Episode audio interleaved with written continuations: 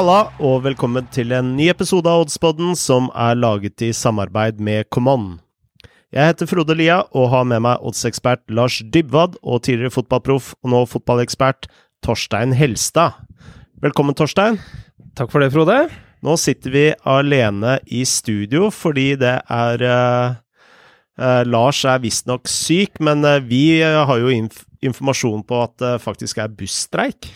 Ja, det stemmer. Han, eh, han, finner stadig på nye ting for å slippe å møte oss. Så eh, det er hyggelig. Nå var det busstreik denne gangen. Eh, en annen gang så var det, det var strømstreik.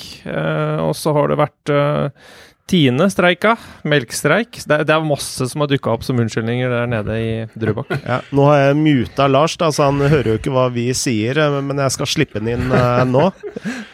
Ja, det er, det, det er, veldig synd han ikke er der. Det er veldig synd han ikke er der. jeg, jeg tror du må jobbe litt med den muteløsninga di, Frode. Er, eh, jeg, jeg, Å nei! Nå på, er, på, er, på, er på gråten her. Dere er veldig slemme mot meg, merker jeg. Men uh, når man har uh, franske aner langt, langt tilbake, som jeg tror jeg har, så er man kanskje litt mer glad i streik enn en andre. Og Nå er det busstreik. Jeg har bil, men jeg tenkte jeg skulle skåne dere for uh, mine basiller. Og også følge myndighetenes anbefalinger. da. Det gjør tydeligvis ikke dere, siden dere sitter og baksnakker meg som gjør det. Men uh, ja, skal vi snakke litt fotball, eller? Nå skal vi snakke fotball.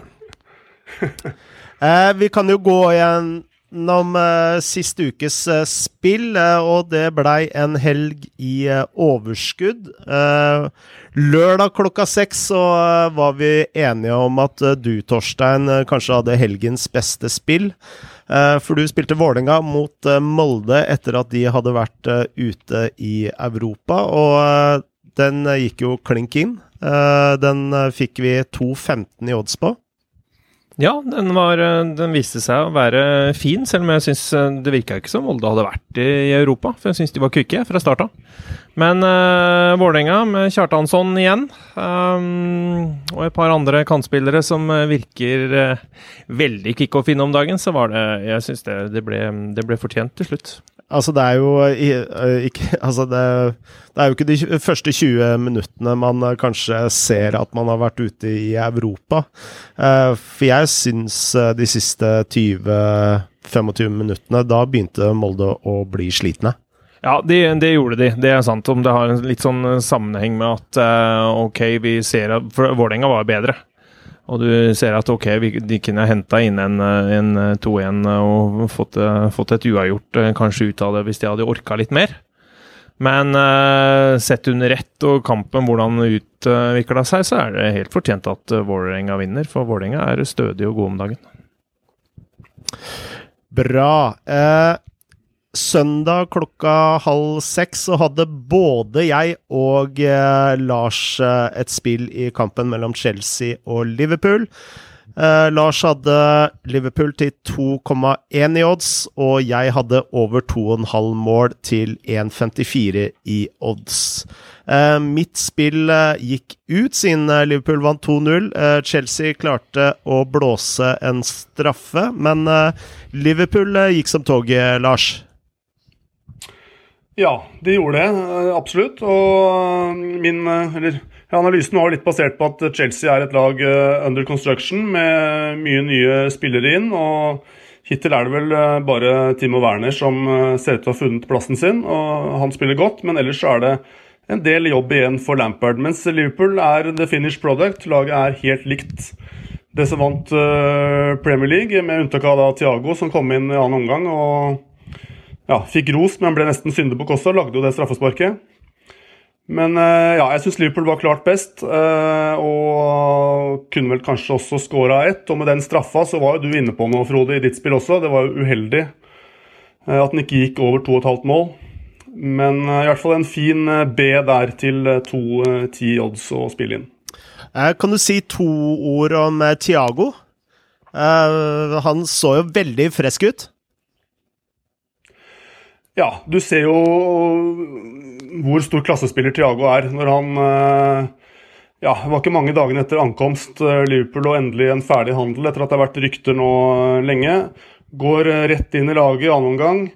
Eh, selvfølgelig, da spiller jo Liverpool med én mann mer, så sånn sett så blir det jo litt ekstra plass og sånt nå, men det er klassespiller, og han ligger og strør pasninger og ser ut som er en helt perfekt signering for Liverpool, som jo eh, kanskje denne sesongen kommer til å møte enda flere lag som velger å legge seg bak med begge firere og alt som er, bare for å forsvare seg. Og han har det som skal til, har den roen og det overblikket som skal til for, for å låse opp uh, slike lag. Så det tror jeg er en veldig smart signering, og imponerende hvor kjapt han gikk uh, rett inn i laget og tok uh, stilen. Selv om han da kunne blitt syndebukk han lagde et klønete straffespark, så det, det, trekker jo ned. Men alt i alt, veldig fin debut av Thiago. Jeg tror det er meget smart signering av uh, Liverpool. Bra. En uh, siste ting så vi må ta med oss uh, siste, siste runde. Det var Altså, vi er jo veldig glad i tieren. Uh, her i podkasten. Og uh, denne jackpoten den har jo bare økt og økt og økt. Og så så jeg plutselig en overskrift på, på Twitter at uh, Og jeg spilte også tieren denne runden. Hamarmann eh, vinner 150 000 alene. Og jeg bare tenkte å nei, er det Torstein som eh, Men det var ikke deg, eh, Torstein. Det var en eh, annen mann fra Hamar som eh, klarte å røske med seg hele potten aleine. Ja, det, det, det, er hyggelig at uh, folk fra Hamar uh, vinner penger uh, når de først bor der, så er det jo gøy at de henter potter på, på Common, syns jeg, da. Um, de trenger litt trøst? Ja, det var litt, eh, litt trøst. Nei, uh, det er morsomt at en klarer å ta den alene. Jeg mangla et Marseille-mål. Da hadde jeg hatt uh, den selv, så um, litt småbittert. Litt surt, ettersom alt det andre stemte. Men uh, Tipsene var i hvert fall litt, bedre, litt mer til hjelp den runden her enn eh, det har vært uh, noen andre runder. Uh, vi uh, hadde jo en gjest forrige runde, og til å snakke om italiensk fotball. nå har jo også seriene starta i både England, Spania og Tyskland. Uh, og vi lovte en uh, gjest i uh, siste episode, og i dag har vi faktisk med oss en gjest til å snakke om spansk fotball, Torstein. Det har vi, vet du. Um, Jonas er inne og besøker oss og skal opplyse oss og lære oss litt om spansk fotball. Nå har du spilt Noen har spilt to kamper. Noen har ikke startet ennå, så det er veldig gøy at vi får såpass klok eh, og bra kunnskap før vi går inn og begynner å spille på spansk fotball. Og med Jonas så mener du Jonas uh, Jæver, og uh, vi har akkurat gjort et intervju med han, og la oss høre på det.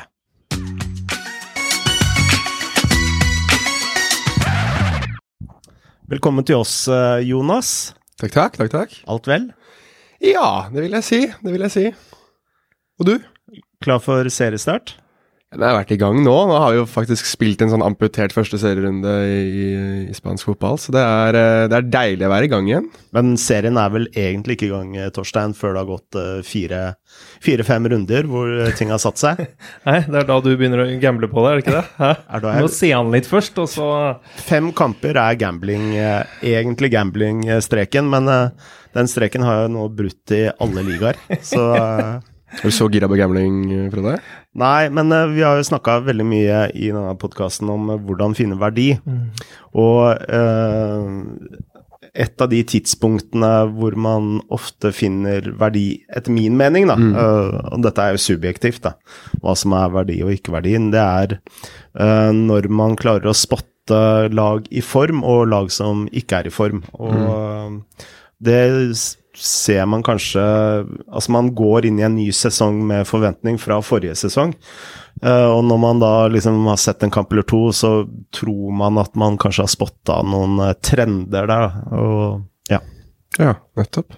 Det har jo vært litt annerledes i år pga. korona og den biten der. Så har vi fått noe, vi har fått noen merkelige resultater i Det får vi jo første serie i runden uansett. Mm. Men med koronaen så har det vel kanskje vært enda litt mer annerledes. Mm. Så, men alt stabiliserer seg jo.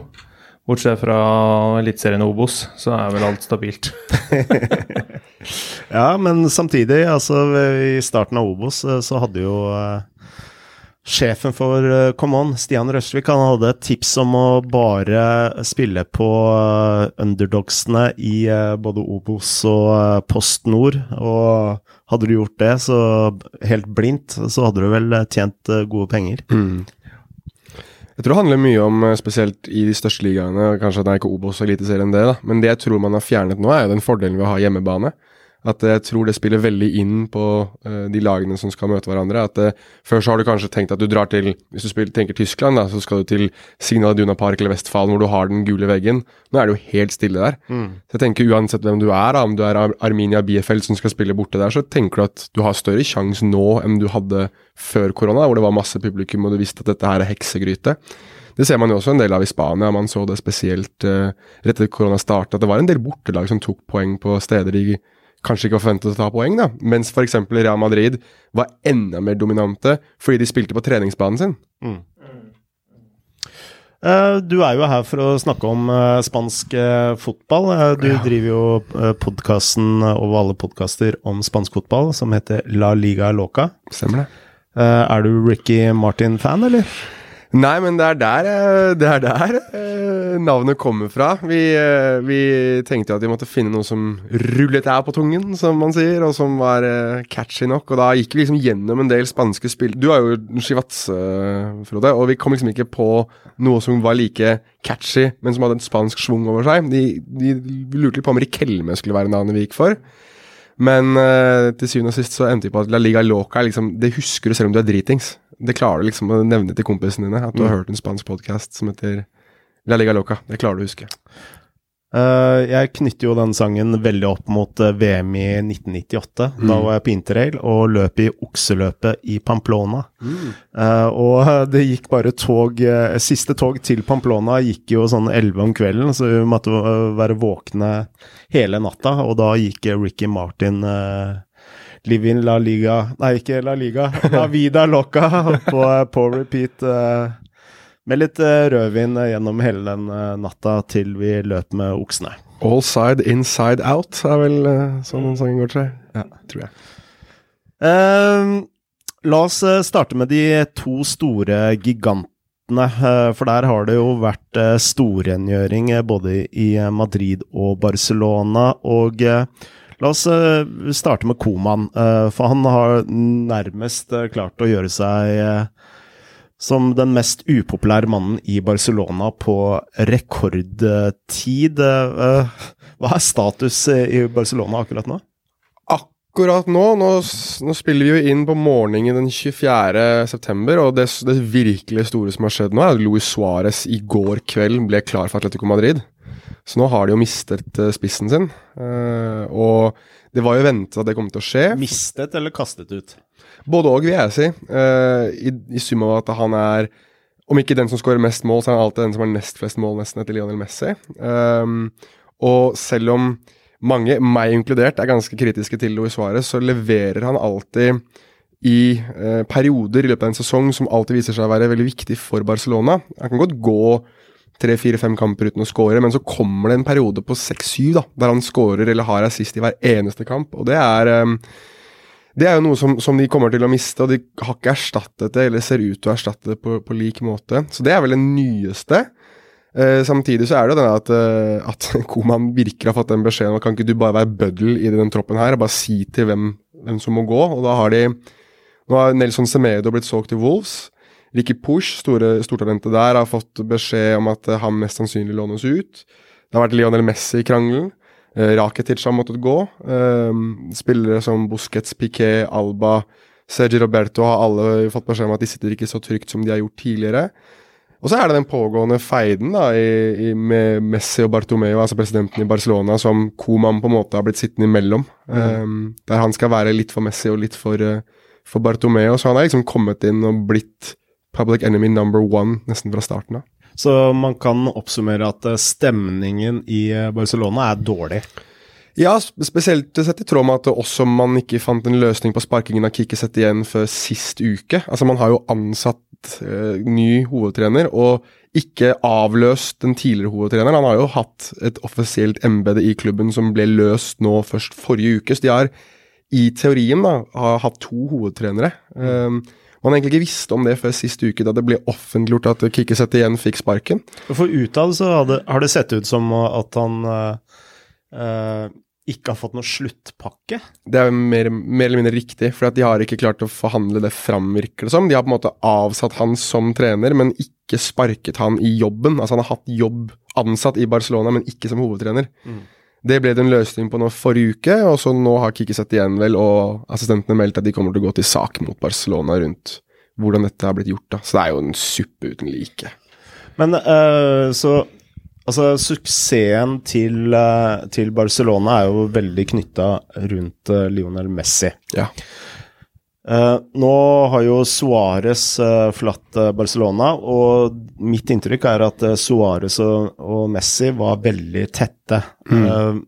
hva tror du Messi tenker om, om det som skjer nå? Altså, Tror du vi kan se Messi på toppnivå, eller vil han bare komme igjennom dette året og bli ferdig med det, og, og, eventuelt gå til en annen klubb hvis det ikke kommer en løsning på presidentvalget, eller Dette her er jo million pund, million dollar, million euro-spørsmål, Frode. Det er ingen som helt vet, fordi at, også fordi Barcelona har jo ikke spilt en seriekamp ennå. Um, man vet ikke helt hvor motivasjonsnivået til Lionel Messi ligger akkurat nå. Nå skal jo Coutinho komme tilbake.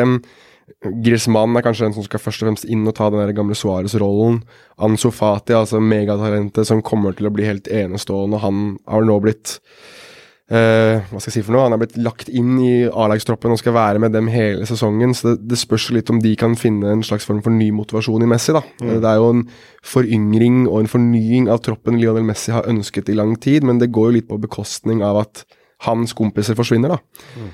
Uh, så det er litt den der eh, between a rock and a hard place, som man sier på engelsk, for hans del òg. Men jeg Nå var Messi så tydelig da, på at han ville vekk, at han var drittlei. Og jeg kan liksom ikke forestille meg at det forsvinner etter to-tre gode resultater, sånn, selv om det er Lionel Messi, og selv om han tydeligvis er en emosjonell karakter.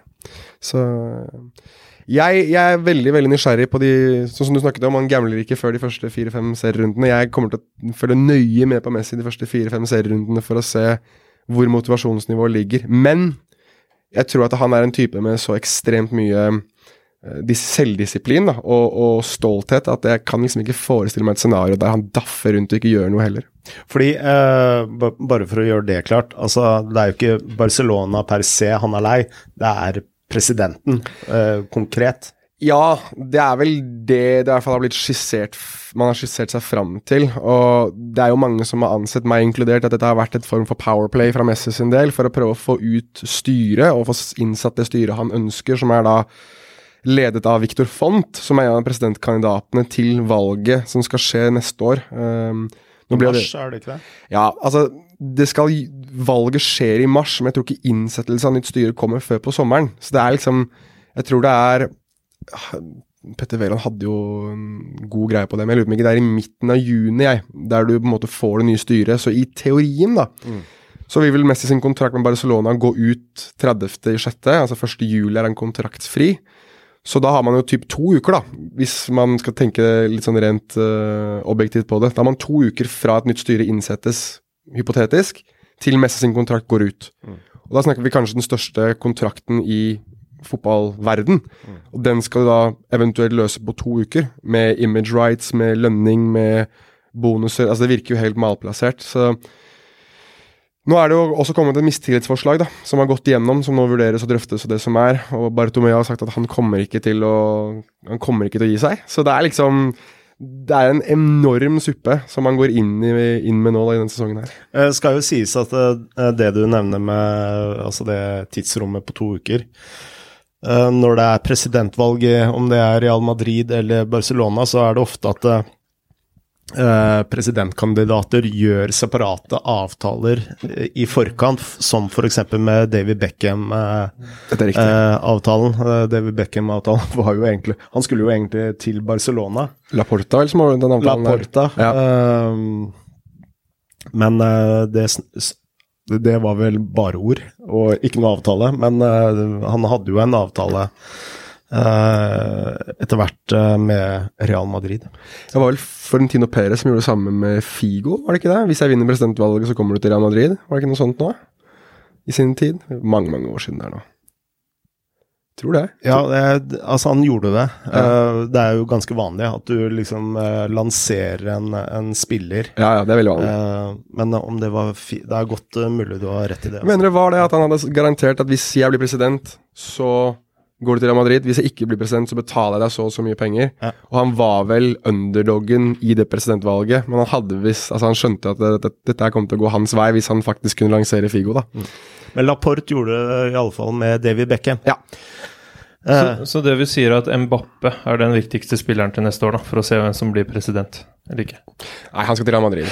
Han skal til Real Madrid. Det, ja, det er en overgang som har vært sånn fem år in the making. Ass. Den, jeg blir jo sjokkert nesten om ikke Mbappé spiller Real Madrid snart. Vi skal rett over til eh, Real Madrid, men uh, når vi snakker om spillere Du nevner Ansu Fati. Ja. Fantastisk uh, talent. Og av de uh, nye store talentene i de største klubbene, så er vel han det største talentet som Vil du ikke si det? Jo, Det var et ledende spørsmål, kanskje? jo, det var litt ledende, men jeg prøver å tenke veldig kjapt igjennom. Um, nå har vi jo strengt tatt en, en tidligere storskårer her, som kan si hvem som er størst talent og ikke, men, men uh, hvis du skal tenke storklubben på verdensbasis, så er han topp tre. Null Altså, jeg, han og Mason Greenwood i Manchester United er de to jeg liker best. Um, kanskje Ansu Fati er enda mer skal jeg si, dynamisk da, i spillestilen sin enn enn Mason Greenwood. Altså, Ansu Fati har debutert på det spanske landslaget som 17-åring. Det er eh, Og skåret på det spanske landslaget som 17-åring, så han er jo et unikum, da. Um, Men ø, veldig mye av kritikken til Koman det er at han ikke har lagt til rette for at det kan komme mer talent ut opp fra akademiet, opp på, på A-laget. Er, er det noen andre spillere vi skal se opp for i den loopen der, eller er det nåløyet nå stengt med, med Koman i sjefsstolen?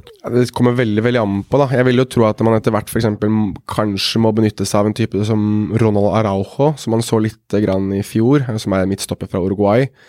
Eh, men jeg nevnte jo Ricky Push, som er ansett av veldig mange, og han er liksom sånn darling for veldig mange Barcelona-supportere. Han skal ha fått beskjed om at han må ut, at han må lånes ut fordi at det ikke til å bli, satset, han blir ikke satset på. De har signert eh, Trincao fra Braga, som han er jo ikke fra akademiet, men han er jo en ung, ung spiller som det virker som de ønsker å prøve å bruke mest mulig. Og det samme går for en type som heter Pedri, eh, som vel kanskje også var på den lista av spillere som har fått beskjed om at de må lånes ut. Så jeg tror at Koman har, har kommet litt inn og må levere, og tenker det at eh, med tanke på dette presidentvalget, så er det ekstremt viktig for Koman å ha resultater å vise til. Mer enn at det skal være en sånn susseksjonsplan for spillere som kommer opp. Um, og det, det, det tror jeg ligger veldig til rette for altså Måten han også har angrepet overgangsvinduet på, da. De spillerne han vil ha inn, er typer som han kjenner veldig veldig godt. altså Memphis Depay har spilt på landslaget under han. Uh, Gini Wijnaldum har vært koblet til Liverpool, kjenner veldig godt fra landslaget. Og nå er vel også Serginio Dest, høyrebekken til Ajax. Åpenbart Ajax er en klubb som Koman kjenner veldig veldig godt. Kobles til Barcelona som erstatter for Semedo, som går til Wolves, som han ikke kjente så godt. La oss ø, gå til Real Madrid, og nå er de endelig kvitt uh, Gareth Bale, så der er det vel bare fryd og gammen, da. Ja, det er, det er Hva skal jeg si for noe? Det er jo Den såpeoperaen der burde det være en Netflix-spesial om. Uh, Gareth Bale-greia. Men ja, vi lever i en verden det er liksom, Jeg sa det til uh, Magna Kvalik og Petter Veland i, i La Liga Loca da vi spilte inn første episode, at jeg sa at dette er jo en merkedag for podcasten vår. For dette er jo første dagen i post Real Madrid-Gareth Bale-æraen, sa jeg. For det har jo vært en sånn hver sommer, hver eneste sommer, så har det vært sånn Nå skal Bale dra. Nå, dette her må være sommeren. Og nå var det sommeren, og nå er han tilbake inn i Tottenham. Så mm, jeg vil ikke si at det er fryd og gammen, men jeg vil si at det er én en dramaserie mindre i La Liga. Det blir, er jo en attraksjon mindre, dessverre også. Eh, Men samtidig så tror jeg det var på tide for alles del at Gareth Bale um, dro videre. Og jeg tror han har funnet seg Han finner seg et godt hjem i Tottenham, det kjenner han jo veldig veldig godt til. Og beholde lønna. Og det er jo viktig for fotballspillere, Torstein. Ja, Ekstremt viktig. Spør Bale og Chelsea har hatt en del spillere som har sittet der og bodd i Nederland og stått på lønningslista til Chelsea. Så nei, men det er Jeg syns det er helt fantastisk. For jeg syns Bale er jo en fantastisk god fotballspiller. Og han mm. leverte jo når han først fikk spille, men eh, det er jo Hva var det? Wales, golf og så Real Madrid, var det ikke det han sa på en landslagssamling? Eller in that noe order, i den, in that order. Og det er mm. liksom du, du blir jo ikke godt likt i Madrid uh, av det, og får du supporterne mot deg, så er det tungt uansett hvilken klubb du spiller i. Mm. Det, var sånn, det var sånn det ble. Han var jo alltid De filmet han jo alltid han så på golf og var på golfbanen, laget trente, og det var jo liksom eh, Og han Jeg tror at til syvende og sist så ble han mobbet, jeg bruker det begrepet, men han ble mobbet så mye av spansk presse at eh, jeg tror han ga litt F etter hvert. At han bestemte seg for å Altså Sånn som han satt og lo på tribunen og hadde jo det der munnbindet at han satt for øynene foran et straffespark, og det var liksom ikke måte på at han satt og tulla og fjasa. For jeg tror at det kom til et punkt hvor han var sånn, vet du hva, skal dere, skal dere kontinuerlig prøve å drepe meg i media, så skal jeg bare, vær så god. Her har dere, kos dere. Ja, det, ja, det virka som han la opp til at pressen her Ok, her har du mer å ta. Mer å ta. For han, ja. jeg tror ikke han brydde seg på slutten i det hele tatt. Det tror jeg er helt riktig. Men uh, Real Madrid uh, vinner jo Altså, jeg vil ikke si overlegent, men uh, altså, de vinner jo La Liga i uh, forrige sesong. Og tror du den trenden vil fortsette inn i denne sesongen? Altså, nå spilte de 1-1 mot, borte mot Real i første serierunde. 0-0 ble det vel. 0-0, ja. ja. Det ble ingen skåringer. Um, om de er like dominante, vet jeg ikke. Uh, men jeg tror Real Madrid vinner ligaen, og det handler litt om at de har en ekstrem bredde i troppen sin. Um, til tross for at de begynner å selge spillere og noen forsvinner, så er ikke det spillere du kanskje tenker at ville hatt så mye å si uansett. Altså James Rodriguez til, til Everton var jo så å si avskiltet uansett. Mm. Uh, Gareth Bale, som vi har vært inne på her nå, avskiltet for lengst. Altså dette Spillere de kvitter seg med, er spillere som de har hatt lyst til å kvitte seg med over lang tid, og så henter de jo da heller inn typer som Martin Ødegaard, da, som de tror at det kan gjøre noe med laget og gi dem en forfriskning. Um, jo mer sultne, iallfall. Mer sultne, men, men, men, det er veldig viktig å påpeke her at um, uh, den bredden de har, og den troppen de har nå, den unge troppen de har nå, har de jo investert i over veldig veldig lang tid. Altså Dette her har jo vært et prosjekt som de har hatt pågående i ja, siden litt før Ødegaard kom inn. da, At de har hatt lyst til å, å, å, ha de neste store stjernene kontra det å signere de gigantiske stjernene som de gjorde på, på midten, starten av 2090-tallet osv. Så, uh, så jeg, jeg, jeg, anser at det, prosjektet de har nå, er et som kan, kan, leve veldig godt denne sesongen her også, og som gir dem et fundament å bygge på videre, mer enn at det var liksom et blaff forrige sesong. Men de, men de er, må forynge seg litt mer. Altså Modic og Cross er for gamle på midtbanen. Sergio Ramos blir ikke noe yngre. Men det er vel der Martin Ødegaard bl.a. blant annet kommer inn i bildet? Å, definitivt. Definitivt. Og jeg har sagt det, og jeg står på det, at det er jo lagt opp til at Martin Ødegaard er arveprinsen etter Luka Modric. Det er, det er, det de har bestemt seg for å gjøre, at de skal fase Modric ut og fase Ødegaard inn. Så det skal være en naturlig endring der. Men uh, til de som lurer på om Ødegaard skal spille mye kamper, om han får en viktig rolle Tanken er at han skal være Modric sin erstatter. Det er det som er long term gain her. Så må, Da må han jo spille fotball så lenge det kneet hans holder, holder, i gang, og det må du ha gjort siden han startet første serierunde. Mm. Jeg tror det er det beste tegnet, at du starter første serierunde. Du er tilbake igjen, henta inn masse skriverier, det vet jo du også. Ja. At pressen har vært veldig på at uh, nå har han vært borte, fikk seg en god sesong i fjor, og så sliter han litt med jumpers knee, og så Men likevel så starter han første seriekamp, selv om han har meldt avbud til landskamper, så heldigvis så var vel den der um, koronavirusen negativ, den i hvert fall nummer to. Ja. Så er han vel klar til helgen igjen også. Og hvis en starter der, så er det det beste tegnet du kan få på mm. at her blir du satsa på. Du nevner skaden til eh, Ødegård, og eh, han begynte jo å få en formdupp i januar-februar i eh, jeg vil si et, etter korona spesielt la du merke til at det ikke stemte helt. Men ja, han var, var litt på, på Men er det knytta til eh, skaden, eller handler det om andre ting? Nå er han veldig sånn Han snakker ikke så mye om de tingene selv, da. Og er litt, han er kanskje en av de fotballspillerne som er mest vriene å få tak i, så det er ikke de spørsmålene du får stilt. Men jeg ville vel tro at det hadde noe å si. Eh, det var vel var det ikke Aperibay, altså tidligere, eller nåværende Real Sociedad-presidenten, som sa at uh, han hadde slitt med skade siden oktober? Altså at han har hatt uh, gått og båret på denne kneskaden i større eller mindre grad siden oktober. Mm.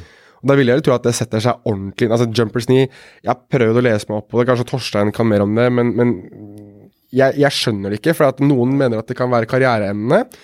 Men så har du en som tydeligvis har det, og starter første seriekamp i La Liga for Real Madrid.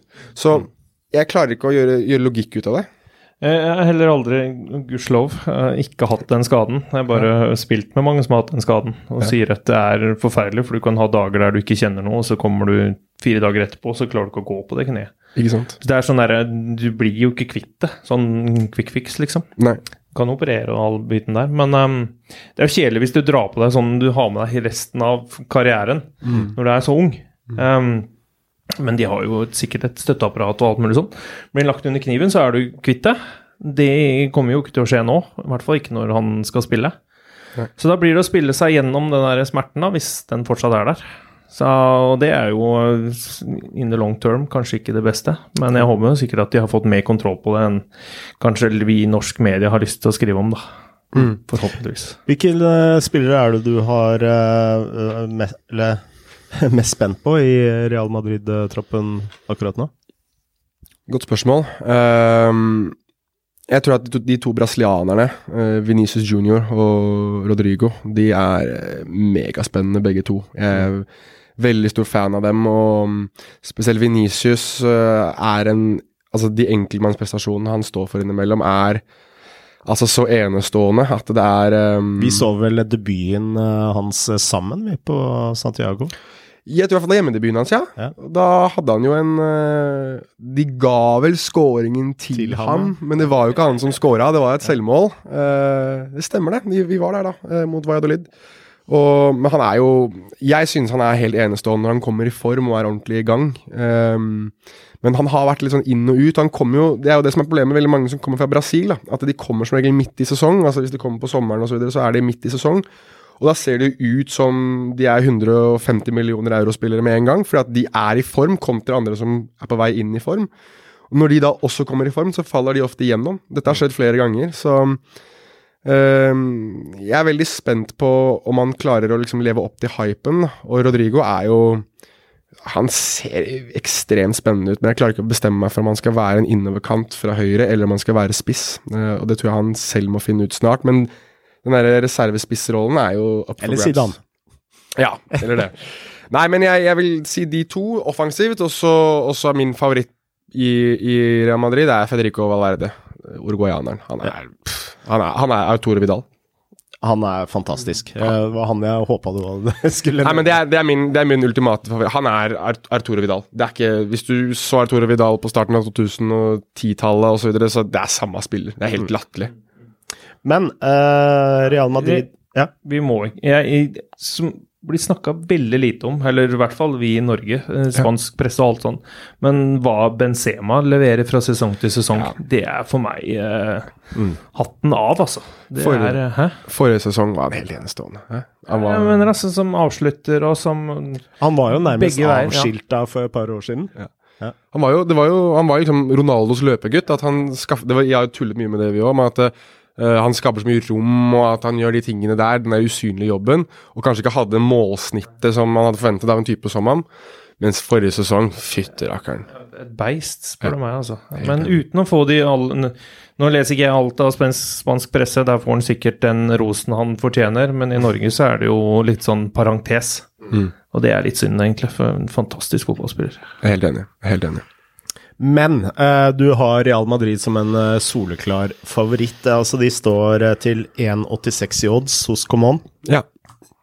eh, for å vinne serien. Barcelona står i 2,4, men eh, Atletico Madrid de står i 9 i odds, og den syns jeg er veldig, veldig spennende. Den er tasty. Den er veldig tasty, eh, og den syns jeg er veldig eh, Altså, hvis Atletico Madrid eh, skal Altså, nå hadde de en dårlig sesong i fjor, om ikke sånn uh, tabellmessig, i hvert fall sånn uh, Spillemessig, ja. spillemessig. Mm. Eh, men nå har de jo fått inn Suárez, og hvis eh, noen i det hele tatt eh, skal få fart eh, i rumpa på Suárez, så er det jo Diego Simone. ja. Ehm, så eh, Atletico Madrid, hva tenker du om dem? Nei, Når du sier at det er ni odds der, så tenker jeg at eh, det er høy Nå er ikke jeg verdens beste gambler, men, men det høres ut som verdi for meg da, å spille, spille det der, fordi um, de har jo et enormt godt kollektiv. Det er jo det som alltid har kjennetegnet Atletico Madrid, at de er best når det gjelder. Og jeg mener at du gjør en enestående oppgradering når du sender Alvaro Morata til Juventus og får Luis Suárez inn. Nå kom, hører det med at jeg ikke er verdens største Alvaro Morata-fan, men, men, jeg synes det er en solid oppgradering, og det minner meg om da Atletico Madrid signerte David Villa fra nettopp Barcelona før 2013-2014-sesongen, og de endte opp med å vinne ligaen det året. Um, nå er jo de en av de klubbene som har vært ganske hardt rammet av, uh, av korona. da, altså Blant annet Diego Simione har jo korona, uh, så han blir vel ikke å se på sidelinjen første serierunde, tror jeg. Litt usikker. Eller for deres, for deres del første serierunde. Um, og så har de mistet en type som jeg tror er litt undervurdert. Mono Burgos, altså Herman Burgos, den store, mektige assistenttreneren som har vært en sånn bjørnekarakter ved siden av, Diego Simione. Mm. Han er borte. Han eh, skal bli eh, trener selv, han. Han ønsker å bli hovedtrener selv, og, og har liksom bestemt seg for Jeg tror han, skal, jeg tror han har blitt tilbudt noen jobber i Argentina, så det kan fort være at han blir å finne der. Og de har ansatt Nelson Vivas, som noen kanskje husker fra Arsenal, blant annet. Uh, han har jo også vært hovedtrener i Argentina og er jo kjent for å være en fyrig karakter. Så det er fort han som skal være da på sidelinja første serierunde, uh, og har vært assistent et år sammen med Burgos i, i Atletico Madrid. Burgos var ganske fyrig, han òg. Han var veldig fyrig, men han var også kjent som liksom den snille liksom, Gygrid-karakteren i uh, Harry Potter. Bare fordi liksom, han er stor? Nei, men fordi han også har vært Han er liksom han er musiker, han spiller musikk og liksom uh, litt, er liksom poetisk av seg i måten han avgir intervjuer på. og Diego Simione nektet jo å gjøre intervjuer før kamp, som regel. Det var alltid Mono Burgos som gikk og pratet, og han har liksom sånn lyrisk tilnærming til måten han prater på, måten han ser fotball på, som alltid har vært litt sånn drømmene. da. Som, så han er liksom Ja, han ser stor og skummel ut, men så er han egentlig veldig myk. Og det er det som har vært litt nydelig med Mono også. Og det er borte nå for Atletico Madrid. Men Mange mener jo at grunnen til at Diego Simone ikke vil gjøre intervju før kamp, det er at han ringer ja. eh, hjem til Argentina for å snakke med barna sine. Ja, det er riktig. Det er hans, så, det er hans uh, greie før kamp. så han er myk, han òg? Ja, da, han er det. De er, argentinere er jo emosjonelle typer. Og det, latinamerikanere, veldig mange av dem er i hvert fall det. Og mm. Diego Simione har i hvert fall de tingene der. Eh, men, men, troppen deres Jeg håper for deres del at de ikke er så skadeforfulgte som de var på et tidspunkt i fjor. Det var jo noe av det som hemmet dem. Men Diego Simione må, må, må finne en måte å spille offensiv fotball på snart. Jeg er drittlei av å se Atletico Madrid-lag som ligger dypt og som skal kontre når de har de beste spillerne på banen. Mm. De, altså de har muligheten til å utspille så mange lag, men så skal de ligge i en kompakt 4-4-2 hver gang og håpe på en scoring og legge seg bak. Det er greit at det har fungert og har vunnet ligaen på det en gang tidligere, men se på de spillerne de har, da. Altså, Thomas LeMar kjøpte de for masse penger. Har ikke fått noen ting ut av han. Altså, det er det, muligens det, det, dummeste kjøpet de noensinne har gjort. Altså, Jeg vil nesten påstå at det er det største bomkjøpet i spansk fotball, punktum finale. Han kan jo også argumentere at uh, Joao Felix er litt i samme kategori. Ja, han var mye preget av skader, og så har han på en måte også kun hatt en sesong, men 126 millioner euro, å få så lite ut av ham, det det sier seg jo selv. Han har jo altså, The jury still out, som man sier på engelsk, på ham. Jeg, altså Mot slutten av, av, sesongen som var nå, så begynte jeg å se at wow, her er det liksom Jeg har sagt at han er kakao på dage. Når han, er, når han får uh, komme i driv og det som er, så ser han ut som kakao i glansdagene. Men, um, men nei, jeg, jeg, uh, jeg, er veldig spent på dem. Men, men hvis de skal vinne ligaen, hvis de skal utfordre for ligaen skikkelig, så er dette sesongen deres, tror jeg. Husker du hva han eh, fysiske treneren deres heter igjen? Proffe Ortega. Pro det er en character. Ja. Uh, det å se oppvarmingene til Atletico Madrid, det er noe helt for seg selv. Ja, det, er, det er helt riktig. Gammel ja. karakter. Ja, det er som en treningsøkt, det. For, for et vanlig lag. Ja, det, det, er nesten som man må nevne, altså, når du ser han på sidelinja der, og når han varmer opp gutta. Altså, det er kar, en ganske lav kar, og du ser han er litt eldre. litt sånn steinblikk, og så har han på seg verdens trangeste joggebukse. Så du liksom ser leggene hans bare strutter ut selv om du sitter på andre sida av tribunen. Og han maner gutta til å løpe. ass. Liksom, Med krøller og litt sånn uh, hockeysveis. Yes. God gammeldags 1986-sveis i Argentina. Det er, for en mann. Ja, Det er en grunn til at de, de løper mye da, i kampene. Det er vel derfor. Mm. Men var det ikke snakk om at en av uh, midtstopperne deres er ønsket i en av toppklubbene i England? er det ikke det? Er, eller er det, er det Solskjær som er ute og fisker etter alt? Er, bommer jeg da? Eller? Nei, du, du har rett i iallfall koblingen. Det er José Maria Jiménez, uruguayaner han også, som um, har vært koblet til Manchester City. Ja, det er vel tre spillere som har vært nevnt i forbindelse med City, og det er Jimenez, Khalidou Colibali, i Napoli og Jules Condé, som spiller i Sevilla, som der har Sevilla bekreftet at det har vært et bud. Um, så den er veldig spennende, syns jeg. Uh, men, uh, men, nei, altså José Maria Jimenez igjen en kar som har korona, så han kommer ikke til å spille første serierunde. Så, så utsatt, ja. ja. de er veldig utsatt. De har hatt flere som har hatt korona. Så, så det er eh, den Pandemien har virkelig påvirket dem inn mot uh, seriestart nå, og også i fjor vel en liten periode. Så ja. Så det betyr at uh, hvis man ser an seriestarten til Atletico Madrid, og hvis de kommer bra ut, så er det noe som uh, er positivt for dem? Ja, de møter, eh, de møter Granada. Det er jo alltid positivt å vinne kamper, da, ja, ja. men det, det, er jo det er tegn på at uh, nå er de over det verste, da. Stemmer. Si sånn. De møter jo Granada i første serierunde, og Granada er jo, er jo serieleder.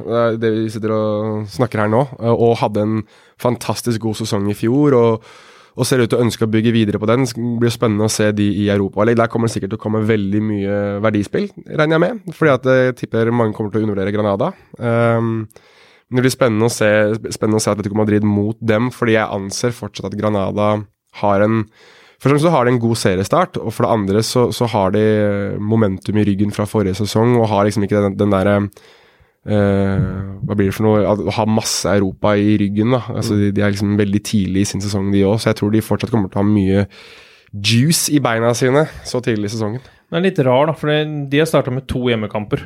Ja. Så det er litt rar, den starten i uh, La Liga, egentlig.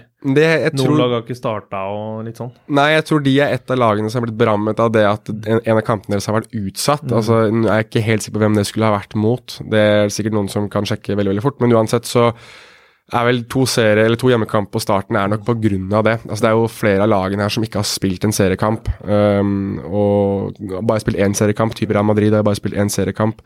Barcelona Atletico Madrid har ikke starta. Det har heller ikke Elche, som hadde en kjempelang sesong. Um, de er jo det siste laget som rykket opp. Og, og Sevilla, som også skal spille i kveld. 24.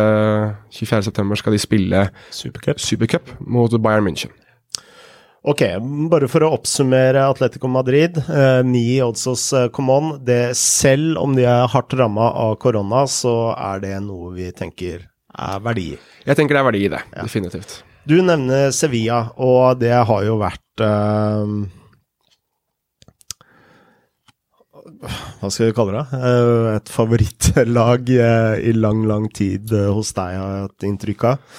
Eh, men nå har de mista en av dine favorittspillere. Altså, det ja. veit jeg ikke om, eh, men eh, det er mitt inntrykk av ja, du La Liga Loca. Du har helt rett. Ja, de har mista Banega, som satt på pressekonferansen og gråt sine modige tårer, for nå skulle hun til Kina og tjene penger. Nei, Midtøsten var det vel? Midtøsten, det er helt riktig. Han skal til Saudi-Arabia.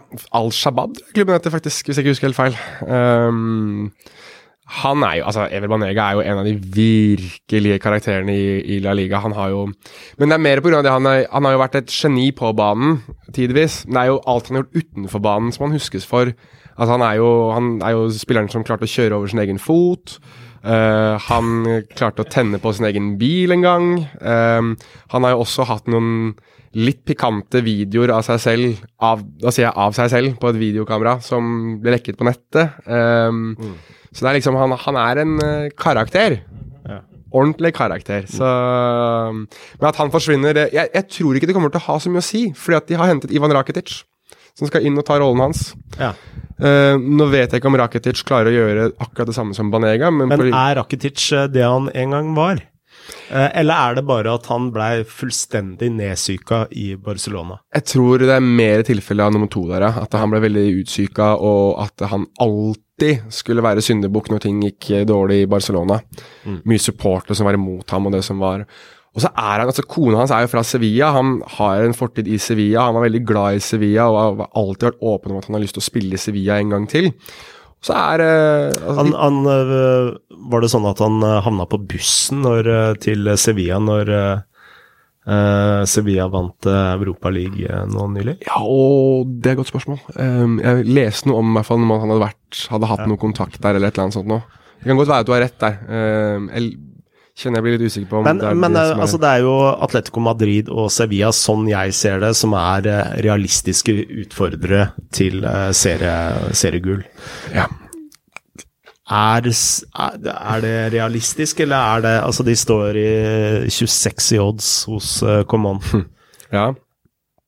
Um, Er Det det, er sånn- håp i havet? det er wait and see-klubb for meg, Sevilla, for der tror jeg du kan få litt av begge deler. Altså, Julian Lopetegi er jo nå på sin andre sesong. da. Han hadde jo en fantastisk første sesong i, i Sevilla og er Hvis du skal Nå har jo dette begrepet coaching i verdensklasse blitt et norsk fenomen, og det å bytte og liksom endre kampbildet på bakgrunn av, av, eh, av ting du ser, der er Julian Lopetegi helt i verdensklasse. Altså Han er så ekstremt god på å se én liten tweak han kan gjøre for å endre hele kampbildet, Så og bytte. Så Spania har uh, sin egen Kjetil Jeg visste at den kom. Jeg visste at den kom. Uh, Ja, du la den. Ja, jeg gjorde det. Jeg gjorde det. Jeg la den opp for deg. Du banka den i volley, volley i krysset, Frode. Men ehm, Nei, jeg, jeg er veldig spent på Sevilla, og de skal inn i Champions League, og vi kjenner jo dem mer som et Europa League-lag. Jeg har jo så Europa League-laget at de til og med budsjetterte med å vinne Europa League et år de skulle spille Champions League. Eh, det er jo Det er jo kanskje den morsomste greia i Ja. De budsjetterte med å vinne, vinne Europa League. De var i gruppespillet i Champions League. Det er um, muligens det mest fantastiske som meg, og det var vel i året de um, Det var vel tredje året, da de vant tre år på rad. Så var vel det det siste året. Da de var i Champions League, og så sto det i budsjettet at vinner Europa League. Da, så de, de skjønner i hvert fall hvor de hører hjemme, da, sånn sett.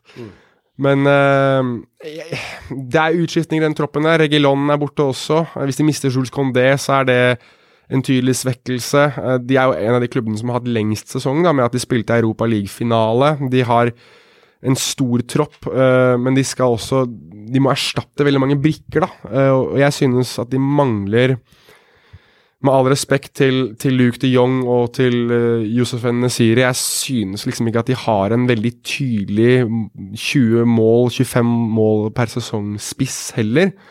Um, jeg elsker Lucas Ocampos. Altså det, er, det, er min, det er min favorittspiller i La Liga, punktum finale. Det er Lucas Ocampos. Hvis du ikke regner Messi, da, så er det Lucas Ocampos. Han er et lokomotiv av en fotballspiller. Men han hadde også småskader mot slutten av sesongen, så spørsmålet er hvordan er han inn mot denne sesongen. Så Det er en midtstopper der du også er ganske fan av. Som er Diego Carlos, ja, han er et beist, altså. Han, øh, og jeg tror, jeg tror at øh, Sevilla egentlig er ganske happy med at han var ganske dårlig etter korona. Fordi før korona så var, det, var han den beste midtstopperen i La Liga, og 50-60 millioner euro hadde sendt han til hvilken som helst klubb i, i Premier League. Og jeg tror noen hadde betalt det, men jeg tror at siden han var så ganske dårlig etter korona og sleit mot Wolves, sleit mot Manchester United, sleit i finale mot Inter, så tror jeg mange klubber tenkte at nei, nei, gidder ikke det. Så da får Sevilla beholde han en sesong til, og det tror jeg ikke de akkurat er så veldig misfornøyd med. Eh, Fordi det er jo en midt... Altså, nå tenker jeg med odds-øyne, da. Ja. Altså, toppnivået hans er jo skyhøyt. Og jeg ser veldig mye uh, Lucio i han. Ja. Eh, men eh, han spiller også på veldig tynne marginer, da. Det gjør han. Eh, så når f.eks. i førsteomgangen i Europaliga-finalen, så så jeg tenkte bare fader, eh, hva er dette for løs kanon på dekk? Og når eh, det ikke sitter for han, så ser han ut som en løs kanon eh, for dekk. Og han er en sånn type spiller som også kan koste laget sitt poeng. For han er sånn, kan gå ut av posisjon, altså gå ut, ut Skal vinne ballen ut på kanten mens han skal holde seg inn, inn i midten. Eh, er litt all over the place. da. Ja. Går opp i midtbaneleddet når du bare skal holde deg med makkeren din. Uh, så uh, han er jo en slags sånn variabel i uh, Sevilla òg. 100 Ja. jeg, jeg vil jo anse det at Det kan kanskje Torstein utbedre mer om, men jeg ville tro at hvis du er spiss og spiller mot Diego Carlos, så vil du prøve å ha mest mulig distanse fra ham. Altså At du ikke er så nærme han, for at eh, fysisk så kommer han til å knuse deg i ni av ti dueller. Men hvis du har litt distanse på han, og han må time taklinger og sånn, så er det fort gul kort tidlig i kampen, fordi at han skal virkelig vise seg fram tidlig, og han har veldig ofte et høyt tenningsnivå. Så at du liksom avskjærer han litt, og så får han inn en takling, og så er det gult kort etter 20-30. Det, det tror jeg ville vært min taktikk som Ja, men det, det var helt rett. Sånne ting veit spisser, vet du. Ja. Du tar ut litt dybde, så veit du at den kommer. og så du, Når du veit den kommer, så hopper du alltid litt tidligere. Mm. Og da ser det jo enda verre ut. Og så har han det gule kortet, og da veit han at han ikke kan gjøre det igjen. Mm. Hva er ditt er- uh, favoritt-dirty triks, uh, Torstein? Jeg, jeg har utrolig dårlig på dirty triks. Jeg har fått mange mot meg, da. Det har jeg. Men eh, jeg har sikkert tråkket noen på tærne og eh, noen akilleser og alt mulig sånn, jeg også. Dere er så snille med. oppe på Hamar. Ja, på Hamar var jo så snille. Men jeg har, blitt, jeg har fått mye albuer bak øret og bakhodet. Hvem er den verste du har spilt mot? Oh, det Med tanke på akkurat det der? Det veit jeg ikke.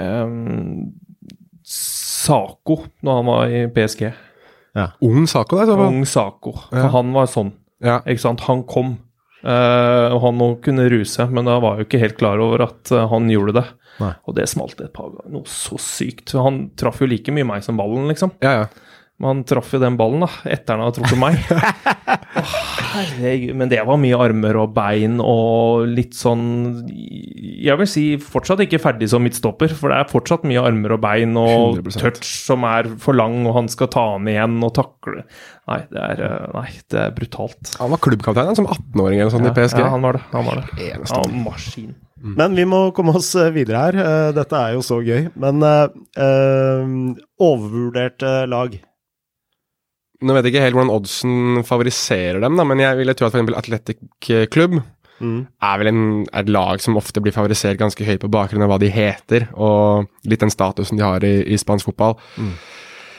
Jeg er ikke fan, ass.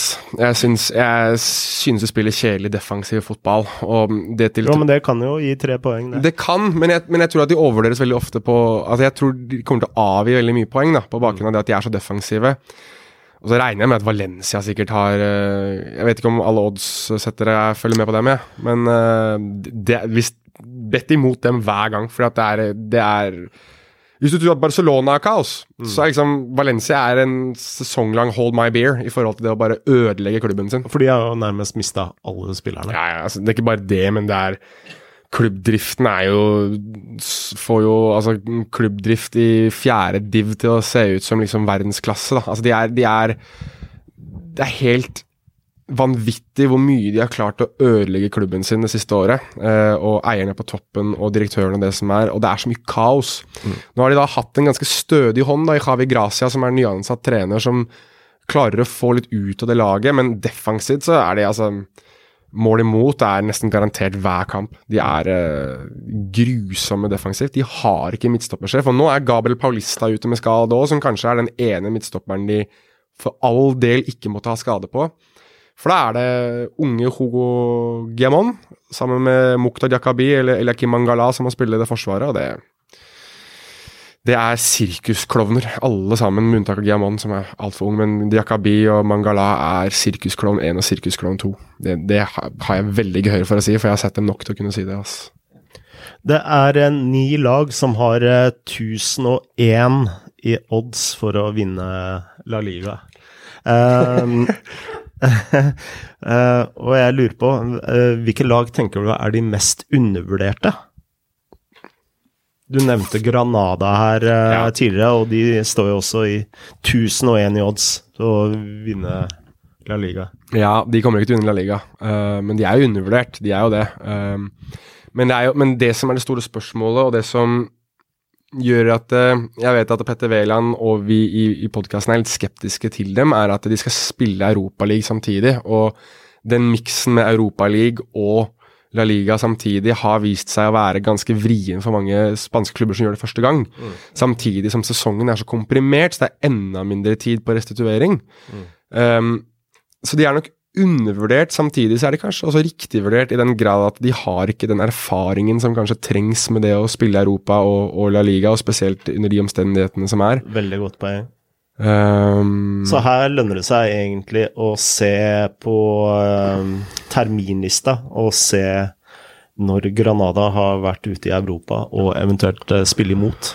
Ja, og så vil, vil jeg vel også notere meg litt hvordan de gjør det i Europa. Altså Hvis de kommer skjevt ut tidlig, så det, kan det være at de ikke prioriterer det. Uh, og da heller har lyst til å prioritere det å spille Liga neste sesong igjen. For det er jo Det begynner å bli en stund siden, da, men ikke men det, du, ingen lag i La Liga er for gode til å rykke ned. Altså Du har hatt Betis som har rykket ned, du har hatt uh, Celta Vigo som har har flørtet med nedrykk, du har hatt Viareal som både har vært rykket ned og flørtet med nedrykk tidligere. Så det er liksom Og det er klubber som veldig mange anser som klubber som skal spille Europa League eller Champions League. De har liksom vært nede og, og tulla med nedrykk. og Personlig tror jeg at eh, hvis ting går så dårlig som jeg tror det kan gjøre, så kan Valencia fort være den klubben som er neste til å liksom flørte med, med en av de tre nedrykksposisjonene.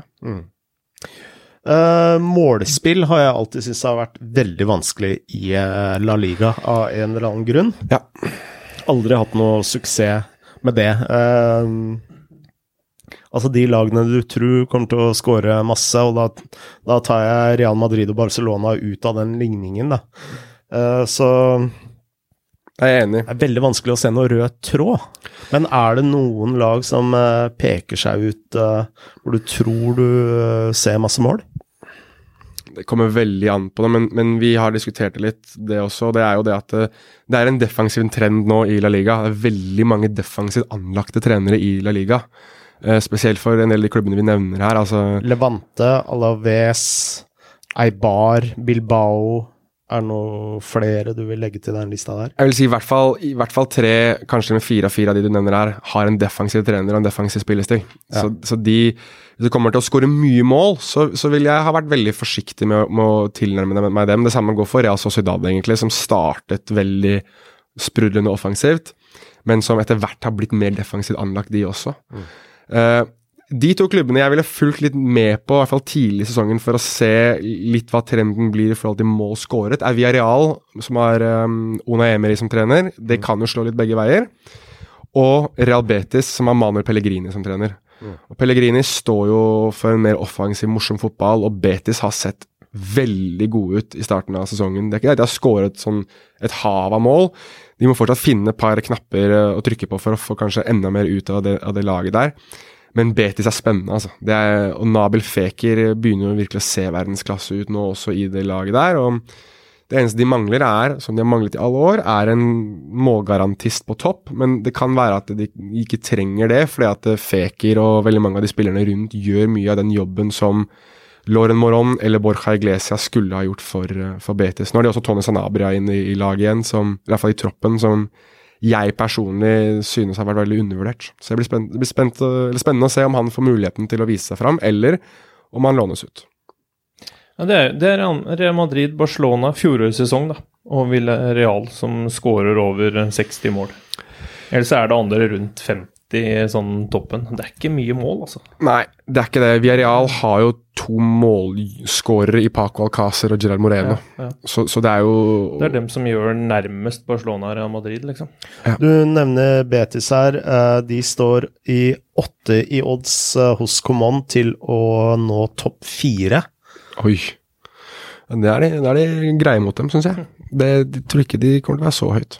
Det, Ikke topp fire? Nei. Nei. Nei, okay. nei. Topp fire tror jeg er ganske, ganske Jeg tror det blir de, de tre vanlige. Altså Atletico Madrid, Real Madrid, Barcelona. Og så tror jeg tror Sevilla skal ta den siste, men jeg ville holdt et veldig, veldig?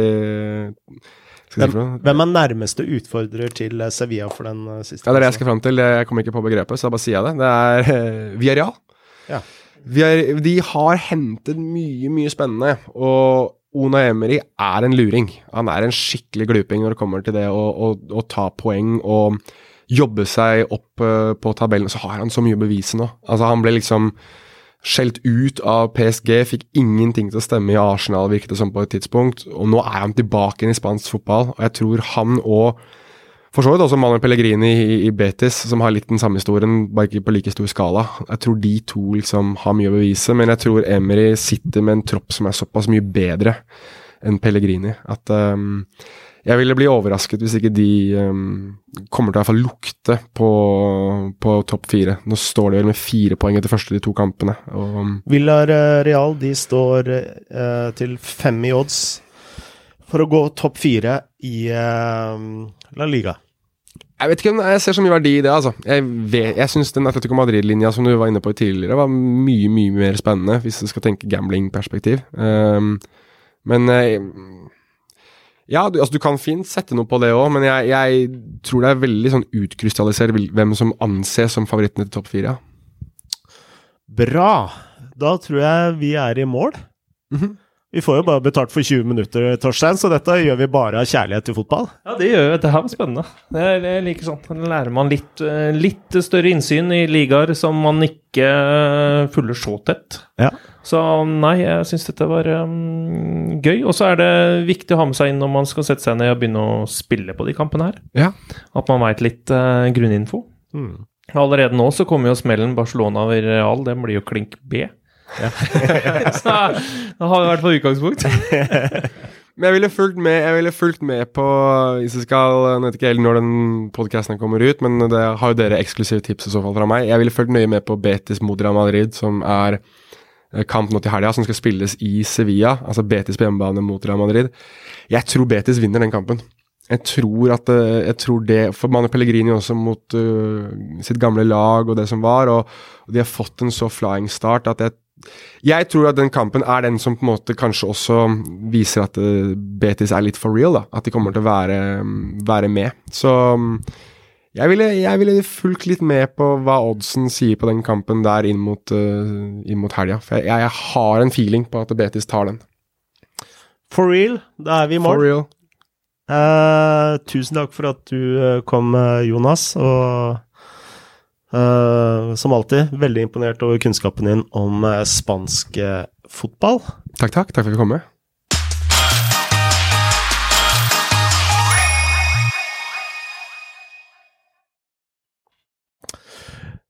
La oss ta ukens spill, og jeg er førstemann ut fordi fredag klokka halv ni har jeg et spill.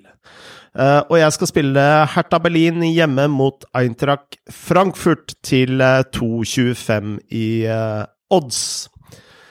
her tror jeg at jeg har spotta et lag i form mot et lag uten form. jeg så nemlig Verde Bremen, Hertha Berlin sist helg, og jeg så også Frankfurt hjemme mot Arminia Biefeld. Og for å starte med Hertha Berlin, eh, så så de veldig solide ut. Eh, eh, man kan selvsagt argumentere for at alle ser solide ut mot Werder Bremen, som er et av de svakere lagene i Bundesliga, men hvis vi begynner eh, bakfra, så har de nå fått en matchvinnerkeeper i Aleksander Svålov, eh, som har tatt over for Rune Jarstein, som nå sitter på benken. Eh, Rune Jarstein eh, hadde en del eh, halvgrove tabber på slutten av sesongen i fjor. Eh, skal sies at eh, Svålov heller ikke starta sesongen bra. I debuten hans så hadde han også et par uheldige involveringer. Eh, men mot eh, Werder eh, så viste han hvorfor han går for å være en av de, de beste keeperne i Bundesliga. Det er vel bare Neuer og Ter Stegen som står foran han i køen på det tyske landslaget. Han ser rett og slett ut til å være en matchvinner Bak der så er eh, Boyota helt sjef i midtforsvaret. Altså, han eh, ser ut til å være blant de mest spennende midtstopperne i europeisk eh, fotball akkurat nå. Jeg kan ikke beskrive han som noe annet enn sjef. Men som alle Labadia-lag så er jo Herta veldig godt organiserte og kompakte og og det hele. Men det som uh, er litt nytt nå, uh, syns jeg, det er at uh, nå har de en uh, litt mer sånn offensiv og kreativ flair. Med, særlig med Mateus Kuna som den kreative kraften. Og så har de en spiss i Piatek, som er en slags polsk versjon av Kjartason, som gjerne bøtter inn mål på ett touch uh, innafor 16-meteren. Uh, så jeg syns Hertha Herta så veldig solide og gode ut. Uh, Eintracht Frankfurt derimot klarte bare 1-1 hjemme mot nedrykkskandidat Arminia Biefeld, og de så veldig tamme ut. Det første jeg tenkte på, var at Enten så var de veldig dårlig trent, eller så var de trent i senk. en av delene. Altså, de så utrolig tunge ut. Uh, og etter kampen så var det veldig mye, mye skriverier om i pressen om at de savna fansen og uh, ditten og datten. Veldig mye unnskyldninger. Uh, så jeg så, syns de så ikke så bra ut i det hele tatt. så som jeg sa innledningsvis, her tror jeg jeg har spotta et eh, lag i form mot et eh, lag uten form, og 2.25, det syns jeg ser eh, veldig pent ut på Hertha Berlin hjemme. vi satt jo og så litt Veide Bremen i slutten av sesongen i fjor, mm. og det er jo et under at de overlevde. For det var, det var et skralt fotballag, altså. Absolutt. Å, herregud. Og det er tydeligvis ikke blitt noe bedre nå, så da, nei, jeg liker det spillet der, altså. Det er veldig bra spotta, Frode. Ja, det er jo, det jo pussig at uh, Eintracht uh, Frankfurt uh, ser så bleke ut. For de har jo vært i gang en stund, egentlig. De har jo spilt Europaliga-kvalifisering, så vidt jeg har fått med meg. De røyk vel riktignok ut mot Basel, som jo ikke akkurat er noe styrketegn, da. Men ja, hva kan det være med Frankfurt, da? De hadde en god sesongavslutning også nå i, i sommer i Bundesliga. Er de trent i senk, kanskje? Ja, og de vant i motsatt uh, oppgjør Eller nei, i samme oppgjør uh, allerede i juni. Så mener jeg å huske at de vant uh, 1-4. men da hadde vel Herta allerede dratt på ferie. Jeg skal faktisk uh, si deg noe morsomt, Frode. er at Du spilte H i den kampen i episoden nummer 25 av Oddspodden, som vi ga ut 11.6. Så dette er en repetisjon, rett og slett. En sånn ønskekonserten, ønskereprise. Husker du oddsen jeg spilte deg? Da oddsen eh, to på Hertha Berlin, så vidt jeg har skrevet opp i regnskapet her. Så man har egentlig prisa inn eh, det tapet i dagens spill, tenker du? Det, det, vet jeg ikke, men jeg er enig med deg. 2,25 eh, på et lag som har åpnet såpass sterkt mot et lag som har åpnet såpass eh, svakt, eh, absolutt høres interessant ut. Bra. Eh, søndag klokka tre så har du et eh, spill i eh, Italia, Lars. Ja, og det er uh, for så vidt litt samme argumentasjonsrekke her, mot et, uh, altså et lag som uh, ser klar ut for Serie A-sesongen, mot et lag som ikke ser klar ut. det er Verona Udinese som skal spille, og jeg har tenkt å spille hjemmeseier der, draw no bet, til 1,84 for å begynne med slutten. Eh, Verona de spilte jo i Serie A sist sesong, som kjent. Hadde da rykka opp og fikk inn en trener, Ivan Juric, som gjorde det veldig godt med det laget. Fikk, eh, de fikk en niendeplass til slutt og var et brukbart hjemmelag hvor de vant halvparten av, halvparten av hjemmekampene sine. Dette er jo ikke et lag med veldig mye ressurser, og de låner inn mye spillere osv., men eh, har klaffet tydeligvis da med denne treneren og klart å beholde ikke alle suksessspillerne fra sist sesong, men i hvert fall uh, toppskåreren fra sist, uh, Carmine, og også uh, tidligere Leeds-keeper, Silvestri, som er en viktig spiller. Og I tillegg så virker det som om de forsterker smart og jobber også fortsatt med overganger. Eh, viktigere er det at de så bra ut hjemme mot Roma sist helg. det ble riktignok 0-0, men Roma, selv om vi husker at Per Arle Heggelund eh, i forrige episode hadde sine tanker om Roma, at de ikke kom til å gjøre det så godt denne sesongen, så er jo Roma et lag med mye mer ressurser og et lag med mm, mye større ambisjoner. Og Verona spilte bra mot, uh, mot Roma. De traff stolpen to ganger. Var vel nærmest scoring, selv om Roma også traff treverket en gang. men de så de så ut som de var i gang med sesongen. Altså Forsvaret, som sagt, de holdt nullen. Det var et nytt forsvar der. Hadde høyt tempo og, og fysisk så ut som de var der de skulle være. Så de spilte en, en god eh, sesongpremiere. Mens Udinese eh, har ikke startet sesongen ennå. Eh, de skulle spilt hjemme mot Spezia i første serierunde, men den ble utsatt fordi Spezia spilte playoff eh, fra Serie B eh, langt ut i august, vel. Eh, derfor er dette deres første kamp. Eh, de som husker forrige episode, husker kanskje at eh, Heggelund spådde nedrykk på Dinese. De har ikke handlet. Ikke, i hvert fall ikke brukt penger. De har fått seg noen free transfer-spillere. og og det er jo en mye utveksling med Watford, som jo har samme eier. De, og det virker de sender virker eieren satser mer på Watford enn på Udinese i øyeblikket. Uh, de har hatt en veldig svak oppkjøring. Spilt treningskamper mot serie B-lag, hvor de har ikke bare spilt uh, dårlig, de har tapt 0-1, sliter med å skåre og ser ikke klare ut.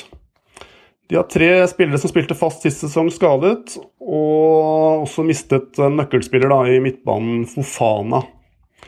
Uh, til lands. Og Torstein, det er vel også mye transfer-rykter rundt uh, kanskje deres beste spiller, Rodrigo de Paul, til nettopp da Leeds. Uh, det er vel ikke avklart, og han kan hende at han starter denne kampen her, men uh, Ja, det er nok litt uro rundt det der. og det, det, Udinese ser ut som et lag på vei ned. og Ikke klare til kamp, tror og håper jeg. Og jeg syns 1,84 på en hjemmeseier Eh, som da er draw no bet, pengene tilbake ved øvert. Det syns jeg er et fristende spill om vi skal prøve oss i Serie A. Det var vel også noe Heggelund uh, nevnte, at uh, Udinese er vel det laget som I hvert fall han kom til å tippe på nedrykk. Ja, Eh, det sa han, og det bet jeg meg også merke, så jeg var litt interessert i hvem de skulle spille mot, siden de ikke fikk spilt i første runde. Og jeg tror at, eh, som sagt, eh, at den første kampen for dem i Serie A denne sesongen De møter et lag som er godt forberedt, og som viste det sist. Og jeg tror det kan bli veldig tøft for Udinese. Og da går vi for en Verona-seier til 1,84 hos Camon. Bra. Eh, litt eh, senere på kvelden, søndag klokka seks, så har du et spill, Torstein. Og dette er et spill jeg er veldig sjalu på at jeg, jeg ikke klarte å grafse tak i før, før deg. Fordi hvis Vålerenga var sist helgs spill, så vil jeg kunne mene at ditt spill nå er også et av helgens beste spill. Ja, når jeg satt og så på det, så var jeg litt, så litt på City og Leicester og mye mål, og, men det ga ikke, så, ga ikke så god odds. så da gikk jeg inn og så på min kjære liga, da, Eliteserien, og fant Mjøndalen Viking. Um, når du har et uh, hjemmelag, Mjøndalen, som har tapt 11 av de siste 13 kampene um, i Eliteserien, um, mot et vikinglag som uh, er vel uh, formlaget etter Bodø-Glimt. Vi har tippa, jeg har tippa mot dem flere ganger, men hvordan de har reagert og respondert på det, har jo vært helt utrolig. Um, ti mål på de to siste kampene. Uh, sier, vel det, sier vel det meste, egentlig. Um, Mjøndalen, uh, hvordan skal vi oppsummere det? Vi kan vel oppsummere det sånn som Gauseth gjorde i pausa borte mot Sarpsborg. At uh, dem som ikke vil være her, trenger ikke å være her. Og de burde byttes ut, og han bytta vel egentlig ut et par spillere i pausa for for Vegard der, eh, virka det som. Og så fikk han vel slakt også i eh, lokalpressen etterpå at han ikke var synlig i det hele tatt når han først var tilbake til skade, så kanskje han burde gå ut og tråkka selv i pausa. Men eh, det sier vel litt om den der indre uroen som er i Mjøndalen om dagen, når de ikke presterer. De er der nede, og de har fortjent å være der nede, og de skårer absolutt ikke mål. Det er problemet til Mjøndalen. Um, der har vi det store problemet deres, egentlig. Eh, hva kan, gjør kan det med en tropp, om, eh, Torstein, at, eh, at kapteinen altså Det var jo en ganske sterk reaksjon ja, mm. og i offentligheten fra Gauseth der. Hva gjør det med en tropp? Altså, Virker det demoraliserende, eller er det med på å uh, pippe opp stemningen? Nei, den pip piffa ikke opp stemningen. Nå, ikke sant? Nå sitter de ikke i garderoben og hører det. De som er der, de får ikke med seg akkurat den utblåsninga der. Men sånn i etterkant så så laget, jeg tror ikke det hjelper sånn på at eh, nei, nå skal vi stå sammen og dra lasset, når du har en kaptein som er ute og hudfletter spillerne såpass. Han la vel seg litt sånn flat etterpå, det skulle ikke ha skjedd og alt mulig sånn. Men det hjelper ikke når du står og er såpass uh, kritisk til egne lagkamerater. Så, så, er ikke det noe som bygger i hvert fall ikke gruppe og garderobe. Hunter S. Thompson han uh, hadde et uh ordtrykk som het uh, 'When you uh, believe your own press release, uh, you must give up'. og det er vel litt, litt det Gauseth ga uttrykk for der, tenker jeg, at det var mer kalkulert Presse, presse Se pen ut i pressen. Ja, det var vel litt sånn Kanskje jeg skal ta støyten av at uh, så slipper vi å få så mye pes for at vi taper uh, fotballkamp igjen, liksom. Det kan vel hende at nå, nå fikk vel han mer uh, oppslag at han sto og uh, gaula der, enn at Mjøndalen tapte en ny fotballkamp. Så sånn sett kan man kanskje lykkes, men jeg tror nok ikke Greit nok, hadde du vært helt outstanding selv, så kan du kanskje ta for deg spillere, men når du var ifølge lokalavisa helt usynlig også, så, eh, så, henger det ikke helt på greip. Men eh, det, det, forklarer vel litt hva som skjer i eh, Mjøndalen om dagen, dessverre. Og Viking har jo noen spillere som er i fryktelig skåringsform. Ja, det er, det er helt, helt, sykt. Det er, det, men det er gøy, da. Det er Butichi har vel har hatt en del mål i det siste, men det er noe lang, langskudd mot uh, KBK, KBK. Frispark mot, uh, mot Ålesund nå, som er helt syke å se på. Uh, Joe Bell også hadde jo et fantastisk frispark. og de skårer på dødballer, Vikstøl. Til og med Vikstøl skårer mål! Ikke sant? Og da sier det seg at da flyter det godt. og det mm, Nei, men det er Viking. De, mm, de underholder. De spiller fin angrepsfotball.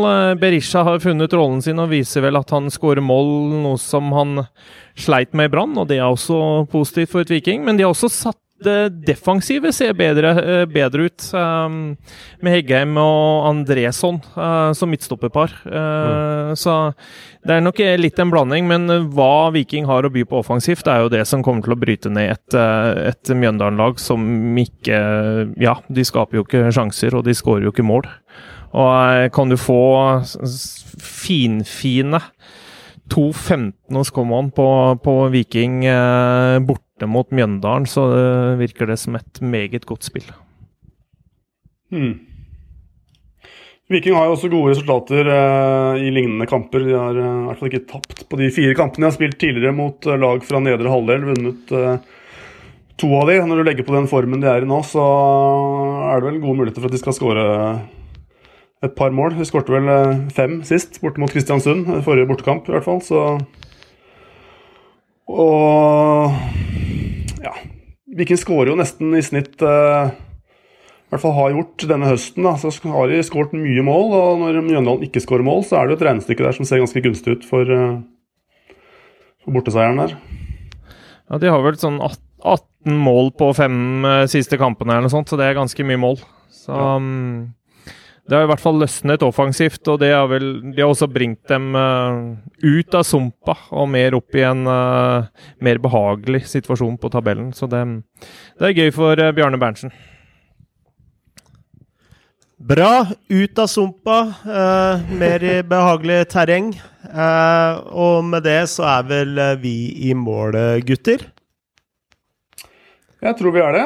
det vi får ønske en en riktig god helg. Og det var én ting jeg hadde lyst til å nevne, faktisk. Eh, forrige runde i Premier League var jo eh, må ta med dette. Det var den mest målrike runden i eh, Premier Leagues historie. I hvert fall eh, Premier Leagues historie med tikampersrunder. Det ble skåret 44 mål på de ti kampene, altså 4,4 mål i snitt. Det er jo, altså det, kunne man sikkert snakket en hel podd om, vi trenger ikke gå så nøye inn på årsakene bak det her. Men det vi kan trekke frem, da, hvis man skal prøve å gjøre noe spill ut av det, er at eh, Og dette er syltynt datagrunnlag, men forrige, da rekorden ble satt sist, med 43 mål, i 2011, så kom det en kraftig korreksjon eh, runden etter. Hvor da treneren har vært ute og skreket til lagene sine at dere må spille forsvar. Eh, så runden etter dette sist så ble det 23 mål. Altså fra 43 til 23 runden etter. Og da endte til og med én kamp 3-3. Så på de ni andre så var jo målsnittet altså, meget solid ned. Så kanskje eh, bookene nå har gått eh, den veien at de priser eh, målrike kamper eh, dårligere, og også målfattige kamper mer. Mens trenden kan kanskje være at trenerne har skreket 'spill forsvar'. Sånn at vi får en del målfattige kamper. Så det kan være noe å ha i bakhodet når man sjekker kamplisten i Premier League denne runden at det kanskje kan komme en reaksjon. Kanskje. Ellers så sier eh, de at eh, det er ikke så lurt å stå med en skyhøy eh, forsvarslinje mot Tottenham. Nei, det, det ble lært til Hardway. Bra! Da er vi i mål, og da er det vel egentlig ikke noe annet for oss å gjøre enn å si, som vi alltid sier, adjø og lykke til med spillene. God helg. Farvel, farvel.